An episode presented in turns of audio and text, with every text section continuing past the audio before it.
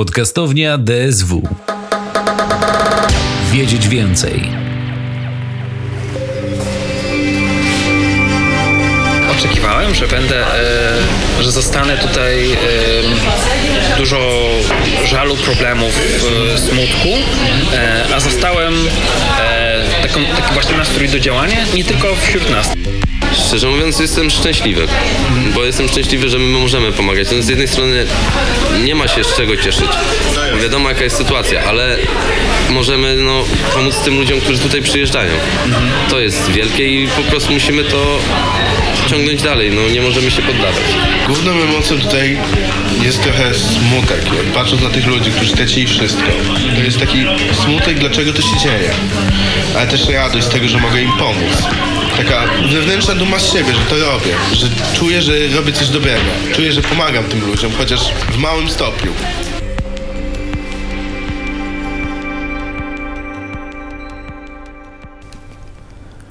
Podcast, którego Państwo za moment wysłuchacie, dotyczy zmęczenia w pracy wolontariackiej oraz sposobów odpoczywania.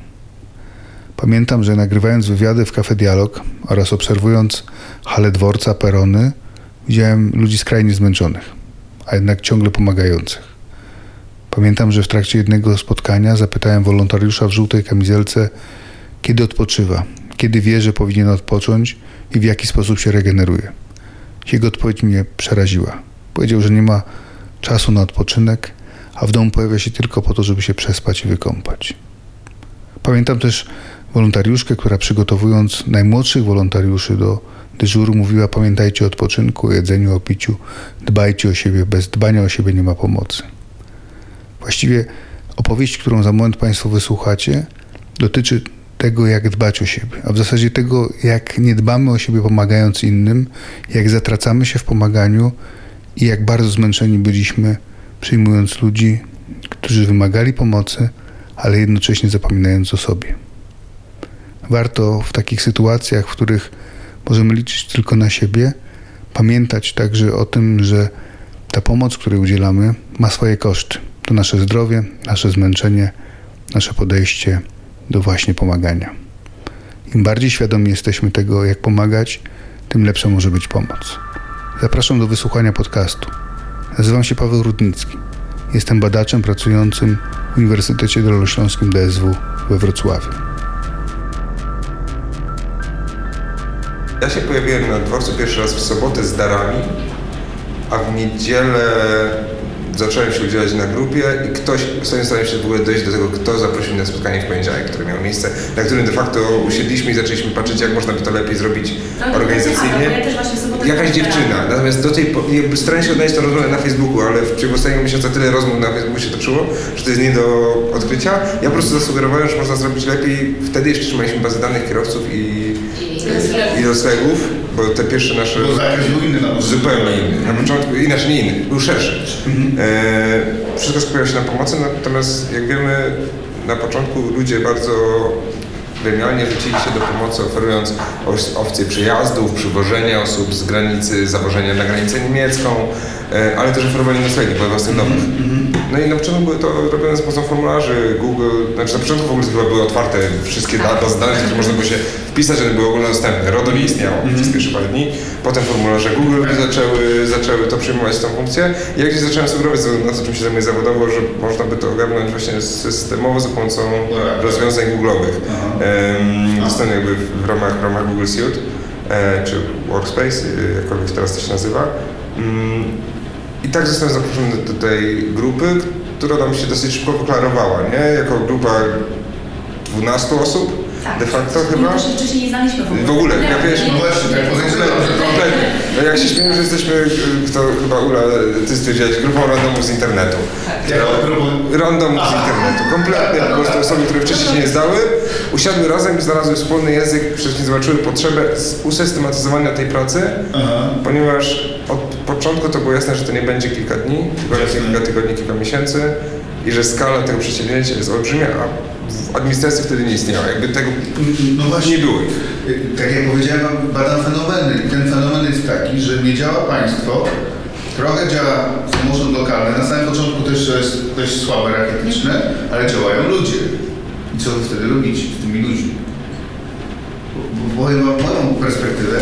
Jak widzę, kiedy Ziyad pisze 28, bo znamy się, no, mamy na Facebooku, trzeba przychodzić, no to się zapisuję, jestem gdzieś tam koło 5 rano, widzę mnóstwo ludzi w kamizelkach, którzy, y, wiecie, poruszają się w teorii chaosu z punktu do punktu. Widzę też, że nie ma szans przejść z jednego końca dworca na drugi, nie będąc zaczepionym, jak się ma kamizelkę. Pytam, co mam robić, jak się zarejestrowałem, ktoś mówi, bierz kamizelkę i działaj. I zajmuje mi jakieś, nie wiem, do 45 sekund, że ktoś od razu mnie łapie tu, tam i już wiem, że to tak to będzie wyglądało. Dziś to wygląda zupełnie inaczej, tak? Ta rejestracja. Wczoraj widziałem e, dwójkę ludzi, którzy się po raz pierwszy zjawili, dostali instrukcję, plan dworca. To już wygląda po prostu jak zorganizowane. jak, jak, jak pomyślimy sobie o skali tego, tak? Czyli mamy prawie ponad 4000 osób zarejestrowanych jako wolontariusze, którzy przewinęli się w ciągu miesiąca przez dworzec. Mamy między 300 a 500 osób, które się dziennie przewijają na zmianach wolontariackich.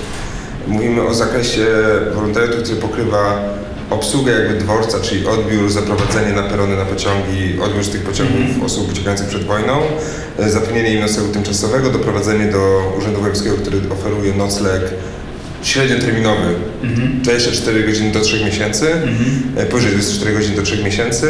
Mm, Na początku mieliśmy także wydawkę jedzenia ciepłego, które teraz przejęło, dwa tygodnie temu przejął Urząd Miasta. E, Wydawkę rzeczy takiej pierwszej potrzeby, jakieś pakiety żywieniowe, mm, artykuły higieniczne.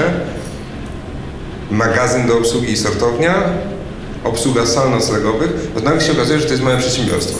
No. I de facto a, mamy dwie To opcje. się łapie w średnim przedsiębiorstwie. Znaczy, Znaczy- 4000 to już jest chyba dużo. To już jest dużo. E, jeżeli popatrzymy sobie o, jakby na to, jakie były dwie opcje. Albo działamy w teorii kompletnego chaosu, czyli każdy jest wolnym elektronem, nikt nic do końca nie wie, nie ma ustrukturyzowanej takiej hierarchii działań. Wolontariat- Wolontariatem w ogóle bardzo ciężko zarządzać. Tak. Każdy ma dobre chęci, tutaj nie ma złych intencji w 99% przypadków e, i każdy mu się wydaje, że to, co robi, robi dobrze jeżeli nie włożymy w to jakieś takiej struktury, tak jak teraz są te różowe, pomarańczowe kamizelki, które oznaczają pewną jakby poziom kontaktu, wiedzy i ogarnięcia całości przedsięwzięcia, ale też kompetencji no, decyzyjnych chociażby, tak?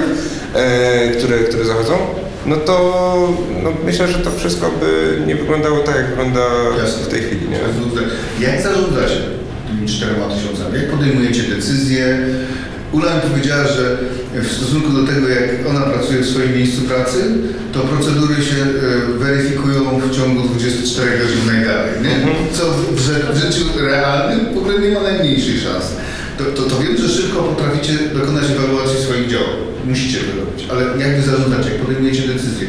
W jakim gronie się spotykacie? To jest w ogóle mega, mega ciekawy temat, taki temat, który gdzieś tam weryfikuje się cały czas pod kątem dyspozycyjności, pod kątem em, myślę, że naszych własnych możliwości czasowych e, i, i w ogóle takich myślę, że emocjonalno-zmęczeniowych. Em, to wszystkim mówimy tutaj dużo o teorii chaosu. Ja myślę, że ta teoria chaosu jest czymś, co my przyjęliśmy trochę też za jakiś taki wyznacznik punktu, od którego wychodzimy. Em, na początku mieliśmy dużo takich marzeń i, i planów bycia taką mini korporacją, a, a nie centrum zarządzania kryzysowego, a, bo mimo wszystko w tym zarządzaniu kryzysowym cały czas przyjmujemy, że nie będzie idealnie. A na początku bardzo chcieliśmy, żeby idealnie było. A, I żeby wszystkim e, wszystko zapewnić i, i żeby nikomu nie sprawić absolutnie przykrości. E, I trochę musieliśmy zweryfikować swoje możliwości e, i możliwości naszych wolontariuszy i odrzucić pewne obszary działania. I to było taką pierwszą rzeczą, dużą kompetencją. Chyba też takie uświadomienie sobie, że mamy dwie opcje. Albo będziemy skupiać się na jednostkach i każdemu pomagać w 100%, skup- rzeczywiście pochylać się nad jednostką, która ma konkretną potrzebę i spędzimy nad tym godzinę, albo pomożemy 100 osobom w 80% w trakcie tej godziny.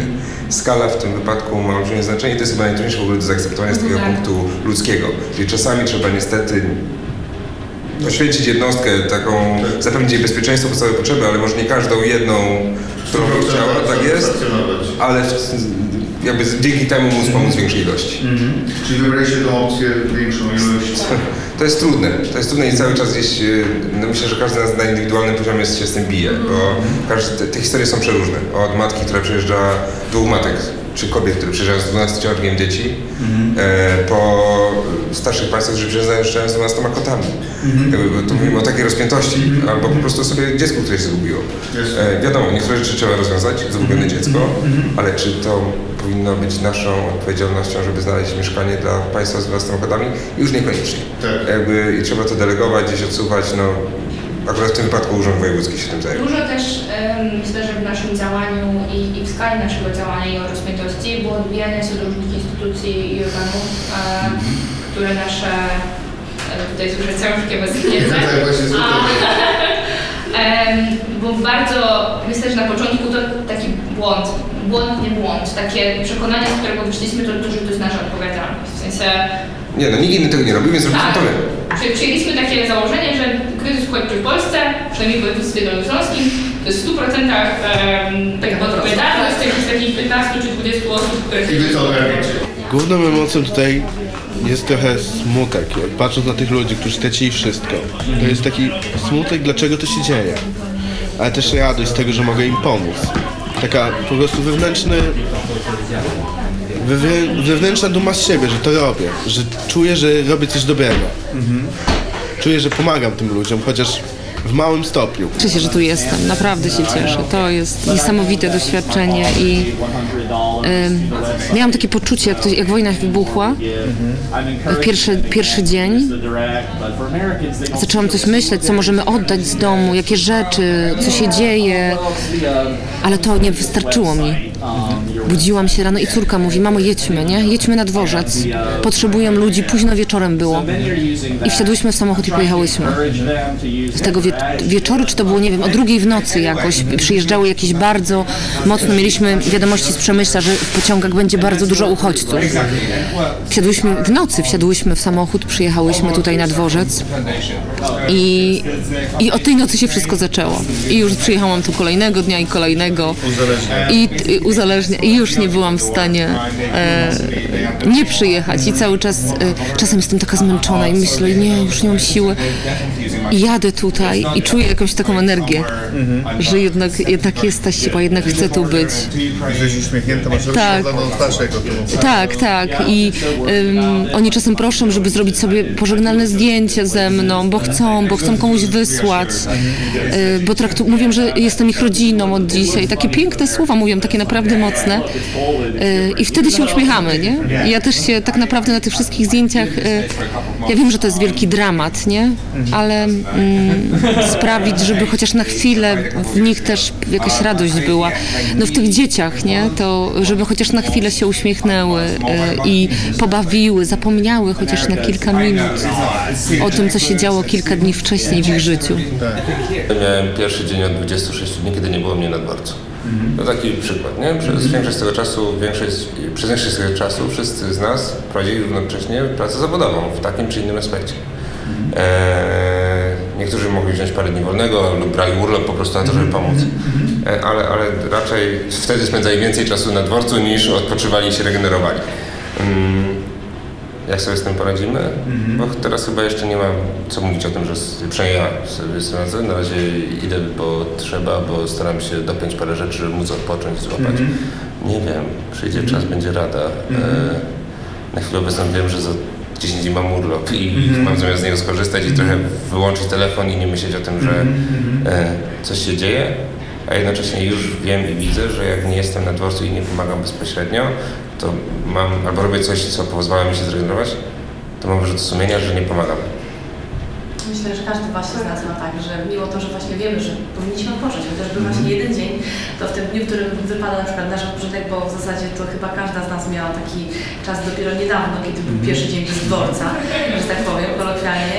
I y, w zasadzie każdy z nas chyba tego doświadczył, że jakby po prostu się źle czuł, prawda, że nie jest na dworcu, a powinien być, bo przecież ma chwilę wolnego. Także to już troszeczkę wpada w takie niebezpieczeństwo, prawda, to o czym mówiliśmy, właśnie syndrom stresu pourazowego, którego no i myślę, że niektórzy już, już teraz doświadczają właśnie w postaci tego, że cały czas jesteśmy online, cały czas sprawdzamy, czy, czy ktoś nie potrzebuje pomocy, czy jakiś punkt po prostu się nie wysypał, czy ktoś nie przyszedł, czy trzeba jakąś dziurę załatwiać, czy po prostu yy, dlaczego nas nie ma na dworcu, prawda? Tak nie powinno to funkcjonować i my tego jesteśmy świadomi. Ja po pierwszych dwóch tygodniach miałem taki dzień, że wyszedłem z psem na spacer rano I normalnie leciały mi łzy po oczach, że- jakby łzy po policzkach, że idę sprzęć świeci słońce i nie muszę o niczym innym myśleć. Zostawiłem telefon w domu i to było takie, takie łzy ulgi, nie? A jednocześnie z tyłu głowy cały czas jest to, że jak wrócę i odpalę telefon, to, co ja na nim zobaczę, nie? Jakby co będzie trzeba zrobić, co będzie, jakie pożary trzeba będzie zgasić. E, Ale się ja nie wczoraj da pierwszy... nie odpalić tego. Nie da się nie palić. Ja w niedzielę właśnie nie było mnie na dworcu, to wytrzymałem do 18, kiedy zacząłem wam odpisywać, nie? Jakby e, wczoraj pierwszy raz słysza, słyszałem od mojego menadżera, że z tego co mówię i wyglądam i e, jak się zachowuję, to że trochę jestem już wypalony i żebym się zastanowił, czy jak długo jeszcze jestem w stanie to pociągnąć. Bo My też mamy świadomość, że jak nie odpalimy tego telefonu, to jesteśmy po prostu dwa lata do tyłu. U nas się tak szybko wszystko zmienia, że musimy być na bieżąco, żeby móc reagować i jakoś realnie czuć, że możemy pomóc. Bo potem to nie, nie możemy czegoś takiego, że kogoś nie ma dwa dni i mamy czas, żeby kogoś wprowadzić. Czujemy także ta, taki obowiązek, że musimy być cały czas dostępni Myślałem, że większość ludzi powie, no to jest jakaś wojna i niech sobie radzą. Nie nasza, Ale nie? Nie nasza, i, ale mi się wydaje, że większość, większość z nas by zrobiła to samo. No nie wiem, co by było, jeżeli byśmy, na przykład, jeżeli u nas by było coś takiego, czy, czy ktoś by, nie wiem, wyciągnął do nas pomocną dłoń, ale my naprawdę jako społeczeństwo polskie aż za bardzo chyba idziemy w tą, w tą, w tą pomoc. Ale podoba Ci się to? Nie, no bo mi się podoba, bo mi się podoba codziennie tutaj przyjeżdżać, bo codziennie jest coś nowego. Codziennie rozmawiam z, z nie wiem, no z setką ludzi. No i zawsze każda osoba jest inna, nie? I to jest fajne, bo to człowieka, nie wiem, jak, jak, jak innych, ale nas na przykład przyjeżdżając z Kłodzka, z, nie wiem, z Elbląga, z Łodzi, dzisiaj przyjeżdża na zmianę strażacy z Katowic chyba, czy z Krak- wczoraj był chłopak z Krakowa, że to wszystkich tak nakręca i chęć przyjazdu w ogóle za darmo jechać, nie, i tutaj siedzieć tyle godzin, spać, nie, wiem, tutaj ży, żywić się gdzieś tutaj, nie. i- Imponujące to jest, nie? No i to, i to mi się wydaje w tych ludziach nakręca taką motywację, nie? No, te, też tak myślę, że to, to nakręca ludzi. Nie, No, wiesz, to, to niesienie pomocy, no co możemy zrobić? To nie myśmy zaczęli tę wojnę. Nie, no tak. Pewnie tak, nie my ją tak, skończymy, Tak, tak, tak. ale to co możemy dać to jest czas i nasze umiejętności, nie? No oby się to się jak najszybciej skończyło. No i tyle. My jesteśmy tutaj, dopóki będzie trzeba, to jesteśmy. Jasne. E, czego nauczyłeś się o sobie tutaj w tym czasie? O, o sobie czego się nauczyłem? No, Znaczy ogólnie pracując na kolei jako ratownik y, nauczyłem się bardziej dostrzegać ludzi pod względem udzielania pomocy. Może tak. umiesz rozpoznać, kto potrzebuje. Po niektórych osobach widać, że jednak tej pomocy potrzebują, nie? Że są takie osoby, na przykład idąc po korytarzu, widać, że faktycznie widać po, po, wyrazie, po wyrazie twarzy, że po, nie wiem, po, po zachowaniu, po, po drzwi na przykład tutaj trzasnęły, no to widać, że ci ludzie, co niektórzy jednak już coś tam widzieli i ludzie są po prostu wystraszeni. Nie? No i zaraz, jak, jeżeli coś takiego zauważamy, wołamy psychologa, psycholog tutaj przychodzi do nas, siadamy, rozmawia, psycholog.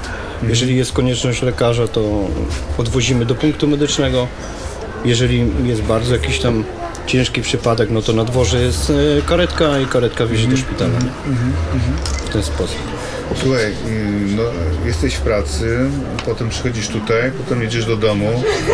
No nie wierzę, Czy jest zmęczenie? jesteś zmęczony, nie? nie, no jest zmęczenie, jest I zmęczenie psychiczne. okrutne. No i powiedz, jak sobie z tym radzisz? Mm, Nie wiem. No, Ciężko mi powiedzieć. No idę, przyjeżdżam o 22, wysypiam się, rano wstaję o 6, idę do swojej pracy, o 15 wychodzę z pracy. Mm, Jeżeli mm, w domu nie mam jakichś obowiązków, a żona chce się pozbyć na przykład z domu, no to pakuję się i jadę Jedziesz, tutaj. No, działasz. No, no, a co mnie tutaj ciągnie, no to tak naprawdę sam, sam nie wiem. No mi się wydaje, że chyba chęć pomocy. No, tak. No też musisz lubić, lubi, lubić pomagać, Nie, no tak, no pomagać, bo nie? no, no nie wszyscy, jedni są za, drudzy są przeciw, no. Ale mi się wydaje, że tutaj wszyscy, tutaj jest około 30 osób, że każdy by, każdy chce tutaj w miarę możliwości jakoś, jakoś, jakoś każdemu pomóc.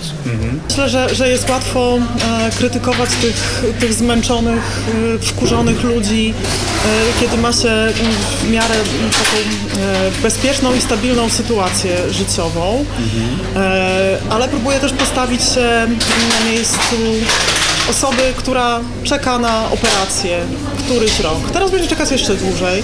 Natomiast to oczywiście nie jest w żaden sposób wina uchodźców, tylko zaniedbań kolejnych Systemowych. ekip rządzących. Jasne. Ja też myślę, patrząc na to, jak tutaj działa wolontariat, że e, ludzie szybciej wystartowali niż państwo na przykład. Wiem, że to państwo było też tu obecne wobec tego państwa. Generalnie my sami też nie moglibyśmy pomagać. Natomiast te pierwsze dwa, trzy tygodnie to takie solidaryzm społeczny. Ja we Wrocławiu ostatni raz widziałem w 97 roku przy powodzi. Tak się cały czas zastanawiam, Ale ja właśnie, dla mnie jest to takie bardzo budujące i tak sobie myślę, że zawsze w czymś złym jest dobro. I to ja na tym się bardzo tak przyznam, że to podbudowuje, daje mi taką nadzieję, że jest ta złość, jest ta zmęczenie, takie złość, zmęczenie, w sensie tymi też takimi informacjami, że ciągle nie ma, nie ma widoku, żeby ta straszna sytuacja się skończyła i ona jeszcze długo potrwa, ale też to jest niesamowite, że ludzie sobie to budzą, to uczucie. Ja to, co myślę, że jest bardzo ważne, to jest to, że i to też doceniam, że jest bardzo dużo takich informacji też, że różne na, na różnych kanałach ludzie to publikują i tak dalej, mówią o tym, jak bardzo też dużo fake newsów się pojawia, żeby gdzieś tam te ton, właśnie takie, takie e, negatywne emocje gdzieś studzić. No i mam nadzieję, że jednak wygra takie mm, pozytywne nastawienie, że po prostu musimy razem przez to przejść. I, Ono nas też mocno nauczy, zmieni nam strukturę społeczną, jakby otworzy nowe możliwości, pewnie trochę pozytywnych, trochę negatywnych. Będziemy musieli się zmierzyć z całą masą takich sytuacji, na które być może e, pojedynczo wiedzieliśmy, że one nastąpią. Na przykład, że, że, ruchy migracyjne muszą być, ale one są tu i teraz, więc musimy się z nimi jakby zmierzyć, zwłaszcza, że państwo nie ma na przykład polityki migracyjnej. W zasadzie jest e, no, nawet nie dziwne, to skandaliczne, nie? Bo gdyby była polityka migracyjna, wiedzielibyśmy jak działać, jak pomagać tak punktowo, dokładnie co zrobić. Tak, ale ja muszę przyznać, że też o tym dużo myślałam, tak sobie pomyślałam, ale to jest ewenement, że jednak w ciągu miesiąca tak duża fala napływa. To, to nie zmienia faktu, że trzeba być przygotowanym na różne kryzysowe sytuacje, ale to jest ewenement, No że nie. jak się patrzy na wcześniej nie było takiej sytuacji, żeby w tak szybkim... to. No i to jest właśnie, uważam, że to jest niesamowite, że pokazało, że jednak, znaczy pokazało, że ludzie mają tyle dobrej woli. To jest takie... Mhm. Ja to myślę, że to jest niesamowite. Lecz ludzi dobrej woli jest więcej, szczerze wierzę w to. Nie, nie wiem. Słuchajcie, y, y, y, Natalia, Ciebie chciałem spytać, bo, bo już masz to doświadczenie bycia tutaj. Jak po takim byciu właśnie na dworcu regenerujesz się? Jak wracasz do siebie, bo tu jednak jest mnóstwo takich sytuacji, które y, nie zawsze jesteśmy w stanie je przyjąć i, od razu je wyrzucić z siebie, nie? Ja muszę przyznać, że ten pierwszy dzień, jak tutaj byłam pierwszy raz, był dla mnie bardzo trudny emocjonalnie, że faktycznie e, ja byłam nie dość, że bo to było też i fizycznie wyczerpujące i emocjonalnie, że tak jakby dla mnie było takie, że bardziej, e, nie chcę powiedzieć, że podłamujące, ale takie właśnie, że dużo takich ciężkich emocji z tym się wiązało, co wydaje mi się, że to zależy też z jakiego miejsca się na to patrzy, bo chwilę później był mój brat na wolontariacie, który mi opowiadał z kolei, że on właśnie na magazynie e, pracował i mówił, że to było dla niego takie bardzo budujące doświadczenie, bo co chwilę podjeżdżały busy, tutaj podjeżdżał ktoś z Holandii, tutaj ktoś z Niemiec, przywoził, że tak widać po prostu bardziej tą pomoc, albo jakieś panie, które tutaj się przybierały za różne postacie bajkowe i szły na dworzec widać. Widać, to też jest takie właśnie, że można też z tej strony popatrzeć. No jest też na sytuację, ale właśnie tyle takich pomysłów i ludzi z całego, mm, no z całej Europy się tutaj angażuje w to, więc... No ale jak te emocje, które miałeś po pierwszym dniu, jak sobie z nimi poradziłeś? Czy one były na tyle mocne, że trzeba było jakoś specjalnie się zachować? E, Znaczy, jak sobie poradziłam, no w ten sposób, że po prostu gdzieś tam też rozniosłam wici, żeby robić więcej tych zbiórek, że musimy po prostu kupować takie najbardziej podstawowe rzeczy i tutaj wykorzystywać okazję, kto jedzie na dworzec, to przekazywać. E, I, I w ten sposób, że właśnie gdzieś tam myśląc o tym, że trzeba w tym dalej uczestniczyć. Działać bardziej. Kasia, ty jak myślisz, jak sobie ten dzisiejszy, po tym dzisiejszym dniu, jak sobie poradzisz, co tutaj jakby Ja wiem dokładnie, co będę dzisiaj robić. E, Na pewno em, pójdę na długi spacer z moim psem. E, Mam w planach wieczorem spotkanie e, ze znajomymi, którzy też są zaangażowani e, politycznie, tak jak ja. Em, poza tym no, staram się ogólnie zachowywać taką równowagę życiową. Ćwiczę jogę, próbuję medytować. Różnie to wychodzi, ale no, trzeba po prostu zadbać o siebie, nie tylko o, o innych. Jest taka zasada w samolocie. Najpierw zakładasz maskę sobie, a potem dzieciom czy innym osobom, którym masz pomóc, prawda? Więc to jest też bardzo ważne. Bo Jezu, to jest tak, to jest jakby trudno, bo oddajesz swoją energię No tutaj, nie? właśnie. Przez cały czas gadasz z ludźmi i chcesz być jakoś takim na pozytywie, a w końcu przychodzisz do domu i jesteś taki zmęczony, jakby pracował 15 godzin No w normalnej właśnie. pracy, nie? I bo nie wiem, jak komuś, a mi strasznie boli głowa po tym wszystkim, ale nie wiem, idziesz sobie spać, spisz i, i wiesz, że z powrotem musisz tutaj przyjść, bo ludzie ci potrzebują. Bo to wygląda tak, jak masz jakieś takie relacje już wybudowane, jak przychodzisz i wchodzisz tam na górę, gdzie te pokoje i wszyscy widzą, o, cześć, cześć, cześć, dobra, pomóż mi w tym, pomóż mi w tym i ty. O, dobra, dlatego tutaj przyszła, żeby widzieć te twarze, że ludzie ci czekają i chcą, po, o, chcą pomocy po prostu od ciebie. Tak. Na pewno z radością e, zapiszę się ponownie. Myślę, że to. No właśnie, chcę cię spytać, z czym dzisiaj stąd wyjdziesz? Jeśli wyjdziesz dzisiaj, Planuję dzisiaj stąd wyjść, to tak? z czym stąd wyjdziesz? E, Na pewno wyjdę z e, taką dobrą energią, która wynika z takiego współdziałania. Kiedy dajemy innym, to jakby to, to, to dobro gdzieś tam w nas się kumuluje, tak to odbieram. Także na pewno będę miała takie skrzydła trochę, które mnie pociągną przez tydzień, no bo mam tydzień pracy, gdzie robię nadgodziny i gdzie raczej nie będę być może miała czasu, żeby e, dać z siebie jeszcze więcej. Mm, Ale będę na pewno planować przyszły weekend pod kątem tego, gdzie zmieścić dyżur. E, Myślę, że no, wrócę też do domu z partnerem, który też tutaj jest dzisiaj wolontariuszem i który również e, jest zachwycony tym, ile można od siebie dać, bo przyszliśmy tutaj będąc pewni, że będziemy tylko zamiatać. Okazało się, że mamy w sobie potrzebne umiejętności, które można zutylizować i to w ogóle też jest dla mnie ciekawe, żeby te talenty Właśnie, one się tak, tak, ale też, żeby umieć je tak zaprezentować, żeby ci, którzy e, mają jakieś umiejętności, mogli je wykorzystać. Tak. Tak, także tutaj no wiem, że tłumacze to jest e, must have i że to jest najważniejsze tutaj u nas, e, może surowiec, tak, to jest złoto. E, ja, ja jestem taką sztabką miedzi może, natomiast te, też można, można wykorzystać każ, każdą umiejętność tutaj. Myślę. Pierwsze, co muszę zrobić po powrocie do domu, to y, siąść się chłonąć z tego wszystkiego i em, staram się do tego tak podchodzić, żeby mm, staram się nie rozpamiętywać za bardzo sama dla siebie sytuacji, kiedy ja nie byłam w stanie komuś pomóc, bo no, pomoc z mojej strony też jest ograniczona i jakby nie jestem w stanie dać im wszys- wszystkiego, czego potrzebują, ale z tego wszystkiego staram się, y, żeby tak nie pogrążyć się psychicznie, y, staram się wyciągać te i przypominać sobie te najlepsze sytuacje, kiedy ja y, pomogłam komuś, kiedy po prostu ktoś dostał to, czego potrzebował. E, I myślę, że to jest ważne też właśnie w pracy wolontariusza, żeby po prostu patrzeć na te dobre strony, a nie tylko przez pryzmat tego, y, czego nie było się w stanie zrobić dla uchodźców.